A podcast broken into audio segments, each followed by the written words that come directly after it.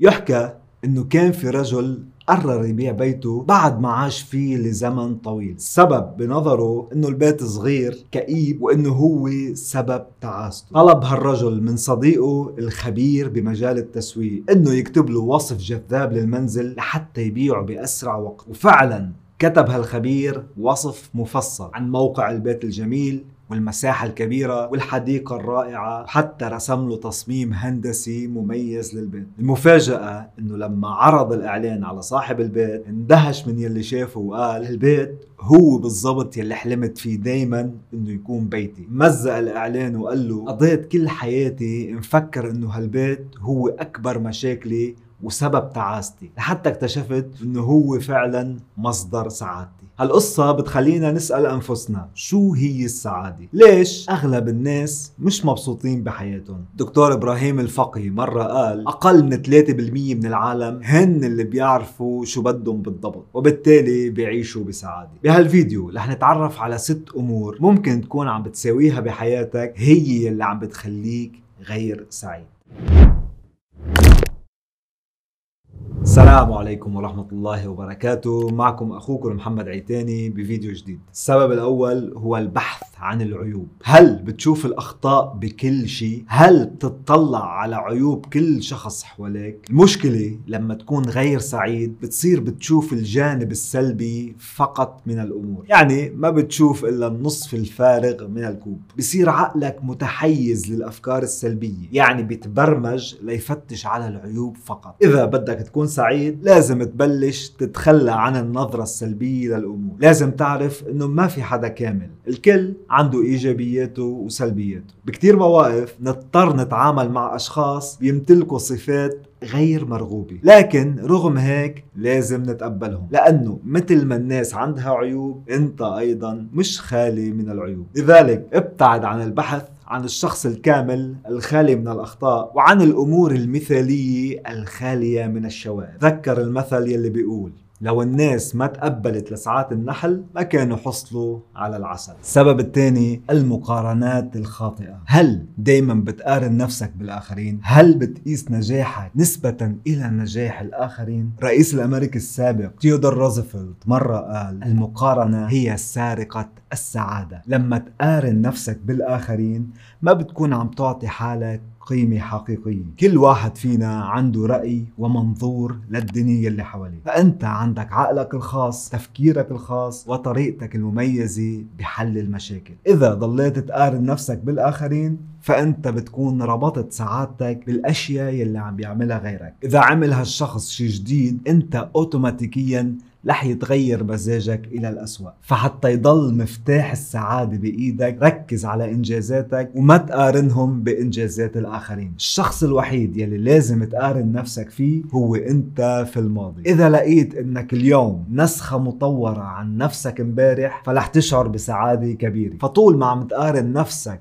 بنفسك فقط رح تضل سعادتك بإيدك ومش بإيد الآخرين. ثلاثة عقدة الاستعداد. هل بتحس إنك دايما غير مستعد؟ هل دايما بتأجل المهام اللي عندك؟ لأنك بتحس منك جاهز لتعملهم؟ الكاتب الأمريكي ويل بوين مؤلف كتاب عالم خالي من النكد بيحكي عن تجربة مثيرة للاهتمام. بيقول مرة كنت بزيارة لحديقة الحيوانات صادف وجود أطفال برحلة مدرسية. شاف عشرات الأطفال سعيدين جدا مليئين بالنشاط وكل شيء بيشوفوه ممتع ومسلي بالنسبة لهم الحيوانات الورود الأشجار حتى الحشرات. بنفس النهار هو راجع بالمترو عاين وجوه البالغين يلي راجعين من أشغاله فلقاها شاحبة عابسة وبائسة. وقتها قال مقولة شهيرة. السعادة بتشبه مياه النهر. كل ما حطيت عوائق أكثر بطريقة توقف تتقل وبتجف. العوائق هي بشكل خاص قلقنا وعدم استعدادنا للمجهول. طفل بأغلب الأوقات بيستمتع بالمجهول وبالأمور الجديدة ببساطة لأنه ما عنده قدرة على توقعها ولا الرغبة بالسيطرة على مجريات أحداثها. أما أغلب الكبار فدايما عندهم عقدة السيطرة على الأحداث. بحسوا إنهم بحاجة للاستعداد الدائم والتخطيط للمستقبل قبل ما يحدث حتى. بصير الواحد يسأل نفسه دايما ماذا لو كنت غير جاهز؟ هالأمر دايما بيولد خوف وقلق من المجهول. مش دايما لازم تكون جاهز لكل شيء. مش ضروري تكون مخطط لكل ثانية ممكن تصير. لازم تعيش بعقلية البالغ وبقلب الطفل. أفضل حل لتكون سعيد إنك تتكل على رب العالمين. تاخد بالأسباب ثم تستمتع بالرحلة. لأنه مهما خططت مستحيل إنك تكون محضر لها كليا. أربعة الفراغ. هل بتضل تقول بينك وبين نفسك أنا شخص وحيد هل دايما بتربط سعادتك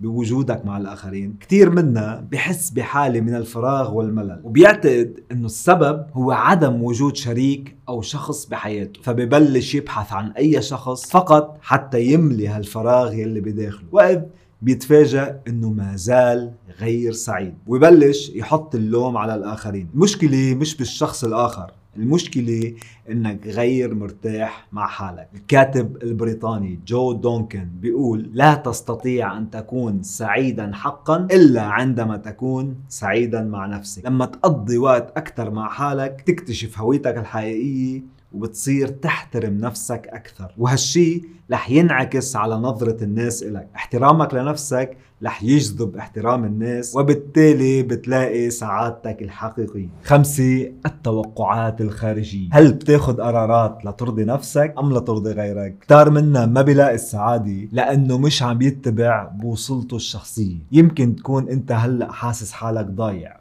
وإنه حياتك ما إلها أي أهمية. السبب ممكن يكون لأنه حدا غيرك أخذ عنك قرارات مصيرية. كتير ناس بتخاف إنها تقوم بأي خطوة مهمة وبفضلوا يخلوا غيرهم ياخذوا القرارات المصيرية عنهم. لما تخلي أشخاص آخرين ياخذوا قرارات عنك فأنت على الأرجح عم بتحقق سعادة الآخرين ومش سعادتك. ولما تمشي بطريق فرضوا عليه غيرك فجأة رح تفيق وتلاقي حالك وصلت لمكان عم تتطلع فيه على نفسك. بعين عدم الرضا. فافتح مع حالك صفحة جديدة. وما تنفذ قرارات إلا يلي بتلاقي نفسك فيها. لأنه بالنهاية هيدي حياتك أنت. هول الدقائق ملكك وأنت المسؤول عنهم. لهيك إذا حابب تحقق هالسعادة ما تسمح لحدا يقلك شو هو الشيء يلي رح يوصلك. اسمع لقلبك وعقلك وهن يلي رح يوصلوك للطريق الصحيح. ستة أبيض أو أسود. المخرج البريطاني رادلي سكوت بيقول الحياة ليست عبارة عن أسود أو أبيض لكنها كل درجات اللون الرمادي بينهما. معظم الناس بيعتقدوا أن الدنيا هي عبارة عن إما نجاح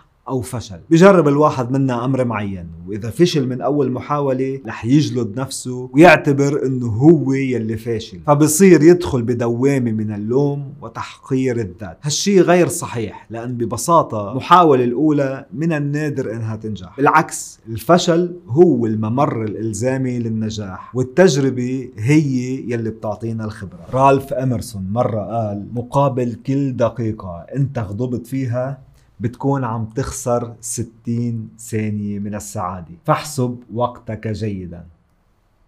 سلام.